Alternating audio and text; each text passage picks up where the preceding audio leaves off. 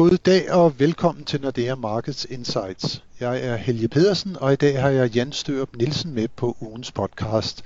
Velkommen Jan. Tak. Det har været en uge med store udsving på de finansielle markeder, hvor især frygten for stigende inflation har været med til at drive renterne højere og medføre lidt uro på aktiemarkederne som dog allerede i dag ser ud til at genvinde noget af fodfæstet. Men det var også i denne uge, at vi sendte et nyt Economic Outlook på banen med et overvejende optimistisk syn på udviklingen i både verdensøkonomien og den hjemlige danske økonomi. Og Jan, lad os starte med at tage pulsen på dansk økonomi. Det ser fornuftigt ud. Ja, det synes jeg bestemt, det gør. Øh, vi var jo ude med faktisk en opjustering af vores forventninger til dansk økonomi. Vi tror, at dansk økonomi vil vokse med, med 3% i år. Øh, det er mere, mere, end vi gjorde tidligere, og jamen, noget af forklaringen er, at øh, meget tyder altså på, at første kvartal har været bedre end, end frygtet. Der var vi jo stadigvæk ramt af, af hårde nedlukninger, men det virker som om, at vi er blevet bedre og bedre til ligesom at håndtere de her nedlukninger. Så første kvartal bliver bedre, og så ligner det jo ellers bare, at, øh, at der er fuld damp på kedlerne igen. Fuld damp på kedlerne, men øh, hvad er det, der ligesom skal drive væksten op mod de 3%? Så er det fortsat privatforbruget, eller vil vi også se, at der er andre faktorer, der kommer, der kommer i spil? Ja, men altså, det er, det er stadigvæk privatforbruget, som sådan er den helt store drivkraft i dansk økonomi.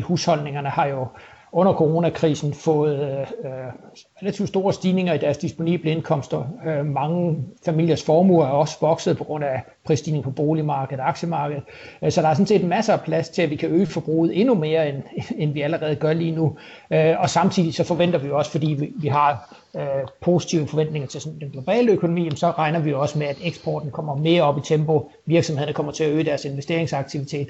Øh, så, så får vi ligesom de andre... Øh, de andre ting med også til ligesom at trække væksten højere. Når vi nu snakker øh, privatforbruget, øh, vi snakker jo om, at det er det, der driver øh, væksten i, i dansk økonomi, så sidste år, når vi så på 2020 under et, så var der jo tale om et fald i det privatforbrug, fordi vi var afholdt fra at øh, forbruge mange af de tjenesteydelser, som vi normalt øh, gør. Så der blev også sparet mere op sidste år, men, men, men, men det som du siger så, det er, at, at nu så kan den så få på alle tangenter, altså nu kan vi både komme til at se en stigning i sådan vareforbruget, men også i forbruget af tjenesteydelser herunder rejseaktivitet? Jamen det, det tror jeg helt bestemt. Altså det, det eneste jeg har sådan lidt, og det, det jeg synes der bliver rigtig spændende at se, det er hvad der sker med vores vareforbrug. For vi har jo faktisk set under coronakrisen, jamen så har vi faktisk øget vores vareforbrug øh, temmelig markant. Og det er jo sådan lidt modsat af det, vi så inden coronakrisen der havde jeg i hvert fald en opfattelse af, at, at vi ligesom havde nået et mætningspunkt for, hvor mange varer vi kunne købe. Øh, der er et eller andet sted en grænse for, hvor tit man kan, kan skifte sit køkken ud, eller hvor mange varer man, man, man ligesom kan købe. Men altså, der har vi jo set under coronakrisen, at vi har øget vores vareforbrug ganske markant. Og det, der så bliver spændende at se, det er, om vi holder fast i det her højere vareforbrug, samtidig med, at vi også øger vores forbrug af, af oplevelse, service i det hele taget, eller vi ligesom øh, skifter tilbage til det mønster, vi så inden coronakrisen. Ja, det er faktisk lidt interessant, det, som du siger, fordi øh, hvis vi ser ud i den store verden, et af de helt store temaer, der er lige nu, det er jo den øh, tiltagende inflation. Og der kan man sige, at det er måske sådan lidt det samme, som du har været inde på. Under coronakrisen er det ikke kun danskerne, men sådan på nærmest verdensplan, at der har været en stigning i, i vareforbruget, øh, og det fortsætter så måske nu her, og vi ser et stigende pres på, på råvarer, der bliver bygget meget mange steder. Boligmarkederne har haft det godt, ikke kun i Danmark, men også i mange andre lande, der bliver bygget meget nu øh, for tiden. Der er stor pres på, på, på råvarer, priserne og efterspørgselen efter råvarer i almindelighed, også på sådan andre led i, i, i værdikæden. Transportomkostningerne stiger, og prisen på halvfabrikater stiger. Men, men, men hvis nu det er, at øh, sådan på global plan, at man ser, at der kommer igen en reorientering af privatforbruget over mod øh, serviceydelserne, altså som du siger, oplevelser, rejser, biografer, museer og alle de der ting, vi har været afholdt fra at benytte os af. Vil det så kunne medføre, at der kommer en, en aftagende efterspørgsel igen efter varer? Kan det være med til at tage priset eller prispresset af på, på for eksempel råvarer og, og andre led i, øh, i værdikæden? Ja, i hvert fald, i hvert fald noget af det pres, som, som vi ser lige nu. Altså lige nu, det er jo gået rigtig, rigtig stærkt på de her råvarepriser, som du nævner. Jeg tror, noget af presset, det vil tage af i takt med, at vi ændrer vores forbrugsmønster tilbage til noget af det, som vi så inden coronakrisen. Øh, jeg vil i hvert fald blive meget overrasket, hvis, hvis det ikke sker. Omvendt må vi jo også sige, at under coronakrisen, jamen så har vi jo løst mange af vores problemer med, at centralbankerne har sendt rigtig, rigtig meget likviditet ud i økonomierne. Øh, og det er jo ligesom den anden faktor, der har været med til at presse de her råvarepriser højere. Simpelthen, at der er kommet mange flere penge i omløb, fordi at centralbankerne under coronakrisen har, har trykt så mange nye penge. Øhm, og den effekt vil jo i hvert fald noget tid nu være der. Øhm, jeg tror endnu, det er for tidligt for centralbankerne at begynde at suge likviditet op fra markedet, og i hvert fald specielt for den europæiske centralbank. Altså, de har jo ingen intentioner om at gøre det øh, på den korte bane. Det kan godt være, at den amerikanske centralbank på et tidspunkt kommer til det. Øhm, så der er de her to effekter. Dels vores ændrede forbrugsmønster, og så det med, at der simpelthen er kommet mange flere penge i omløb. Øh, og i hvert fald den ene, som du nævner, den, den kommer nok til at fade ud. Øh, men, men vi har jo stadigvæk det her med, at, øh, at der er så meget ekstra likviditet i, øh, i økonomierne. Øh, så i hvert fald en periode nu, tror jeg, det vil være med til at holde råvarepriserne på nogle, på nogle forholdsvis høje niveauer. Ja, nu hvor vi lige har været inde og nævne sådan den, øh, den globale inflationsudvikling, den har jo så haft stor betydning sådan også for de overordnede tendenser på de finansielle markeder. Det betyder ikke så meget med den hjemlige danske inflation i det billede, men den er også på vej opad. Hvad er det, der har drevet øh, inflationen op i Danmark? Ja, men det er sådan en, en, en god blanding af flere forskellige ting. Øhm, noget af det er for eksempel højere benzinpriser. Øh, det, øh, der begynder vi lige nu, fordi nu begynder vi jo at sammenligne med øh, tilbage i marts sidste år, hvor, det, hvor, det, hvor alting var lukket ned, hvor olieprisen jo var, ja, en periode var, var negativ. Altså så, så benzinprisen, når vi måler i dag sammenlignet med, med samme måned sidste år, altså den, den ligger jo noget højere. Så det er noget af forklaringen. Vi har også noget for vores cigaretpriser. Øh, man valgte jo at sætte afgiften på cigaretter ganske markant op. Øh, det er også med til at, at løfte dansk inflation. Øh, så det er sådan de to øh, hovedfaktorer. Men, men det er sådan, det bekræfter sådan det her det generelle billede, vi også, altså vi ser det både i Danmark, men vi ser det også internationalt, at inflationen, øh, den er lige nu på vej op, og, og noget af det skyldes øh, de her råvarepriser.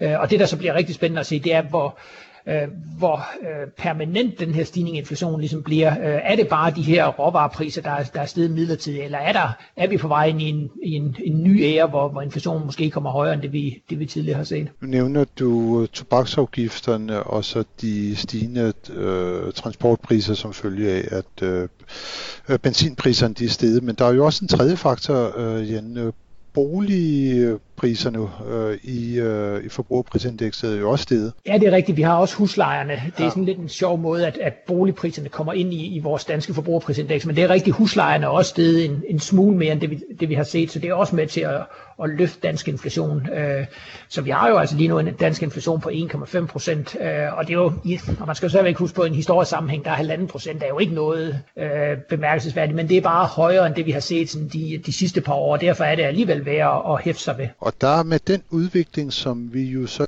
går op til på boligmarkedet i år, så er der måske også en, en vis sandsynlighed for, at når der kommer en regulering af huslejerne i øh, forbrugerprisindekset næste år til februar, så vidt jeg husker, så kan det måske også få et nyk opad. Hvordan er det, vi ser på boligpriserne i år herhjemme? Jamen, der, altså igen, der har vi den her, det her optimistiske billede, som også gennemsyrer sådan vores generelle holdning til dansk økonomi. Altså vi, øh, vi har jo øh, forventning om, at prisen på enfamilieshus i år vil vokse med 12 procent sammenlignet med, med hele sidste år. Øh, men det man så bare skal huske på, fordi 12 procent lyder jo rigtig meget, men det man, det man bare skal huske på, det er, at, øh, at vi har faktisk allerede set en stor del af de her prisstigninger, øh, med de kraftige prisstigninger, vi har set i årets start. Så der skal, der skal faktisk ikke så, så mange yderligere prisstigninger til, til vi når op på de her øh, voldsomme 12 procent. Øh, men altså, vi tror på, at boligmarkedet øh, vil fortsætte sin fremgang, men vi tror også på, at, at den mest øh, aggressive aktivitet, som vi ser lige nu, at den vil, den vil dampe af øh, her hen over sommeren, og så vil vi få sådan en mere mere normal udvikling ind i efteråret. Ja, for normalt så er det jo finansieringsomkostningerne, som sådan kan være den helt afgørende faktor for, om boligpriserne de, de stiger, eller om de falder, eller sådan, når finansieringsomkostningerne er lave eller falder, så stiger boligpriserne omvendt. Og der sker vel noget på de finansielle markeder lige nu.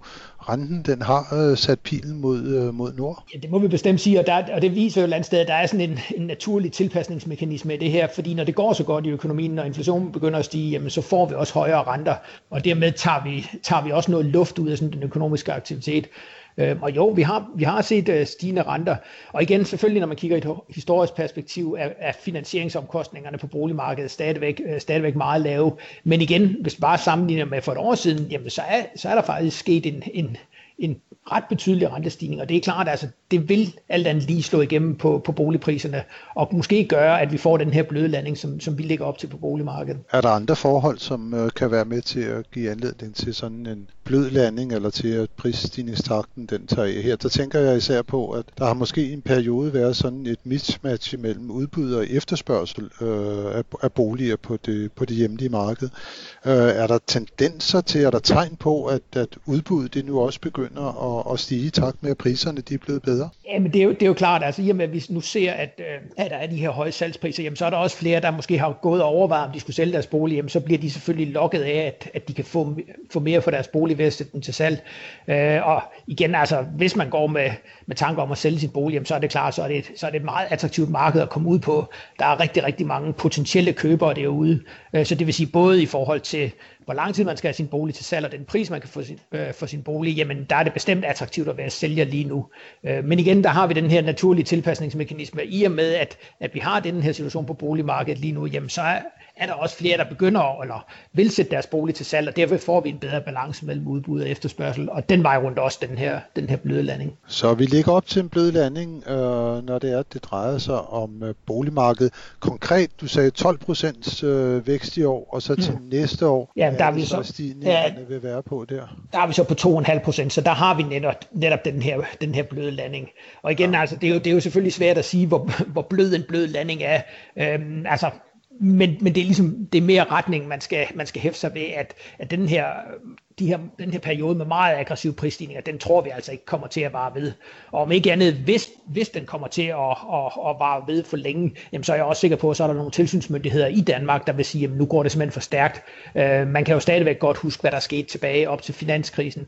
Øh, og selvom jeg synes på ingen måde, at vi er der endnu, jamen så er det klart, at sporene fra den gang skræmmer. Det vil sige, hvis man i en, i en for lang periode ligesom kommer med de her store prisstigninger, jamen, så tror jeg også, der er nogle tilsynsmyndigheder, der vil sige, at nu bliver vi nødt til at, at gøre noget andet for at, at sikre os, at, at boligpriserne ikke løber løbsk. Ja, for der har vi jo allerede set øh, det systemiske risikoråd på deres øh, møde i marts måned annonceret, at de formentlig ville indstille til regeringen, at man kom med nogle stramninger her i, i Københavnsområdet øh, allerede til, til, på, på, på, på møde i, i juni måned, altså hvor man så vil anbefale, at man strammer op for, for lånemulighederne, når det er, at man skal købe en ejerbolig i København. Ja, og det, og det er lige præcis derfor. Altså, der er jo ingen, der har interesse i. Øh, selvfølgelig er det sjovt, når man skal sælge sin bolig, at priserne er steget kraftigt, men sådan for stabiliteten i dansk økonomi, der er jo ikke nogen, der har interesse i, at, at vi får opbygget en ny boligboble, fordi vi ved også godt, at, øh, at så venter der altså nogle, nogle rigtig træls over på den anden side af, af sådan en boligboble. Ja. Et af de steder, hvor at øh, der absolut ikke er tale om nogen øh, boble lige nu, øh, i hvert fald, det er på de offentlige finanser. Ja, der skiller Danmark sig ud fra mange andre lande ved, at vi kom igennem øh, 2020 med et ja, faktisk øh, ekstremt lille underskud øh, på, på, på de offentlige finanser. Hvad var det lige, der var grundlaget for det? Ja, det var, det var meget imponerende, hvordan de offentlige finanser overraskede alt og alle øhm, i 2020. Altså vi kom ud med et, med et underskud på den offentlige saldo på 1,1 øh, procent af BNP. Øh, når vi kigger på alle andre EU-lande, så kom de ud med, med større underskud. Øh, og der var endda nogle lande, der var op på to-cifret underskud. Øh, og der er, der er sådan flere forklaringer, og noget af det er lidt teknisk. Øh, noget af det er for eksempel den her pensionsafkastskat, som gav rigtig mange penge ind i statskassen, fordi at aktierne steg, øh, renterne faldt igennem øh, 2020, så har vi øh, betalt mange penge ind i pensionsafkastskat. Øhm, så det er noget af forklaringen. Noget andet er også, at mange af de her hjælpepakker, som man jo satte i søen under, øh, under krisen, jamen de blev ikke brugt i det omfang, som man havde havde, havde troet, øh, også fordi mange virksomheder klarede sig bedre gennem coronakrisen. Så det er også noget af forklaringen på, at, øh, at de offentlige finanser kom så stærkt igennem øh, coronakrisen, som de gjorde. Offentlige støttemidler, der ikke kom ud i økonomien. Øh, der har været noget omkring, at øh, likviditeten på det danske pengemarked, den har ikke været helt, øh, som man har kunnet ønske. Og det er en af årsagerne til, at øh, den danske krone, den øh, har ligget stærkt over for euroen i en lang periode. Det gør den fortsat, men hvordan ser, ser situationen ud der fremadrettet, Jan? Ja, det, det er et godt spørgsmål. Altså nu har vi jo haft tre måneder i træk, hvor Nationalbanken ligesom har været ude at sælge danske kroner for at undgå, at kronen blev for stærk over for euroen. Øh, og for, den bagvedliggende forklaring er, som du, som du siger, nemlig det her med, at der er ikke ret meget overskudslikviditet på det danske marked. Det vil sige, de kort danske penge pengemarkedsrenter, de ligger højt i forhold til, til euroområdet, og det gør så, at det bliver øh, relativt mere attraktivt at, at have placeringer i danske kroner frem for euro, og det er så det, der er med til at, at, at trække den danske krone stærkere. Øh, jeg tror, vi kommer ind i en periode nu her, eller vi vil fortsat være i en periode, hvor Nationalbanken bliver nødt til at intervenere, bliver nødt til at gå ud og sælge kroner for ligesom at, at sikre sig, at kronen ikke går for stærk. Men igen, jeg tror, de har meget, meget stor tålmodighed over i Nationalbanken. Dybest set tror jeg faktisk, det passer dem meget fint øh, at være ude og intervenere, fordi det er en måde ligesom at tilføre nogle, nogle flere kroner til systemet. Så jeg tror faktisk, at det passer dem ganske fint. De, de er selvfølgelig ikke interesserede i, at det, det går alt for stærkt, men så længe de kan ligge og intervenere øh, på det tempo, som de gør lige nu, jamen, så tror jeg, at de har masser af tålmodighed. Og det er også derfor, jeg tror på ingen måde, at vi er tæt på en, på en selvstændig dansk rentenedsættelse, simpelthen fordi, at dybest set har Nationalbanken, øh, sådan som jeg i hvert fald læser dem, det er ganske fint med, med det, der sker lige nu. Så hvis det er, at vi skal sige lidt om, hvor renterne bevæger sig hen i løbet af det, der er vores øh, forecast-horisont, altså frem til udgangen af 2022, så det du siger, det er, at de korte renter kommer der ikke til at ske ret meget med, i hvert fald ikke øh, Nationalbankens styringsrenter, og de lange renter, de vil måske øh, komme til at stige lidt. Ja, de kommer til at stige. Der har vi, øh, igen, det er, ikke, altså, det er ikke en voldsom rentestigning, men vi har sådan en, en stigende profil, øh, så selvom vi allerede nu, øh, bare vi sammenligner med årets start, har fået sådan en relativt stor rentestigning herhjemme, jamen så tror vi altså, at den her bevægelse, den kommer til at fortsætte, simpelthen fordi inflation, inflationsforventningerne kommer til at stige, og også fordi, at den globale vækst jo virkelig kommer til at, kommer til at accelerere. Øhm, og i en periode, så tror vi sådan set, at centralbankerne, specielt med ECB i spidsen, ligesom vil prøve at begrænse de her rentestigninger, men, men igen, øhm, i takt med, at økonomien genåbner, så vil de måske også øh, være villige til at acceptere lidt højere lange renter. Så altså, vi har helt sikkert øh, pilen opad på, på de lange renter, men som du siger, de, de helt korte renter, jamen de skal ikke noget, fordi altså, der er jo ikke nogen, der tror, at hverken ECB eller Nationalbanken skal ud og sætte renten op i morgen. Så vores øh, konklusion på de økonomiske udsigter for dansk økonomi er, at det ser fortrøstningsfuldt ud med henblik på den økonomiske vækst, og renten kommer til at bevæge sig lidt øh, opad, og så skal jeg lige spørge jer, øh, inden der vi, vi går videre til øh, at kigge på, på næste uges nøgletal.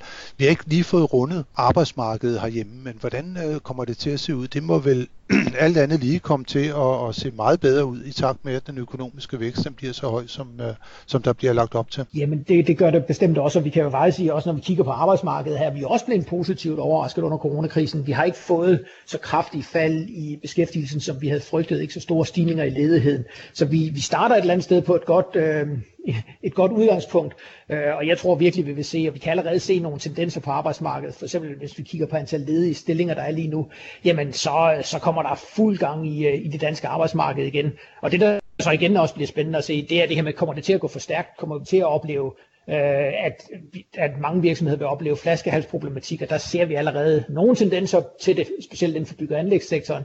Øh, men igen, altså der, jeg tror på, at vi kommer til at se øh, relativt store fald i arbejdsløsheden, stigende beskæftigelse, ja, helt frem til udgangen af 2022. Det skal blive øh, ualmindeligt spændende at følge udviklingen i dansk økonomi frem til udgangen af 2022. Hvis vi tager de kortsigtede briller på, nu her til sidst i ugens podcast, og som altid lige kigger på næste uges vigtige nøgletal, jamen så kan vi jo i hvert fald konstatere, at den øh, mandag den 17. maj, der kommer BNP-indikatoren for dansk økonomi. Det er første kvartal, vi får noget at vide om. Og ja, der må vi vel sige, at der får vi vel syn for savn om vores økonomiske prognose på 3% vækst i år, om den kommer til at holde stik. Ja, det, det, bliver, det bliver virkelig regnskabs, regnskabets time for, for den prognose, fordi uh, i sådan vores kvartalsprofil, der har vi lagt ind, at vi tror på, at, at BNP var fald, eller er faldet med sådan 0,2-0,3. Øh, og det er klart, hvis, hvis det fald bliver meget kraftigere end det, jamen så får vi svært ved at nå op på, på de 3%. Omvendt kan vi også blive positivt overrasket, og så er 3% måske faktisk for pessimistisk, men det bliver, det bliver bestemt interessant at følge. Derudover så kommer der så dagen efter, altså tirsdag den 18. maj, så får vi flash øh, BNP-tal for eurozonen for første kvartal, og så får vi altså på øh, næste fredag der kommer vi til at få de øh, helt afgørende PMI-tal øh, for øh, euroområdet, og det er jo dem, der sådan på en månedlig basis giver os en indikation af, om det fortsat øh, går fremad, eller om det er begyndt at gå tilbage igen i, i euroområdet blandt andet. Så det bliver få, men vigtige nøgletal, som vi har at se frem til i næste uge. Men tak for nu, Jan, og tak til alle jer, som har lyttet med. Det håber vi, at I også vil gøre, når vi er tilbage med nyt fra de finansielle markeder igen i næste uge. thank you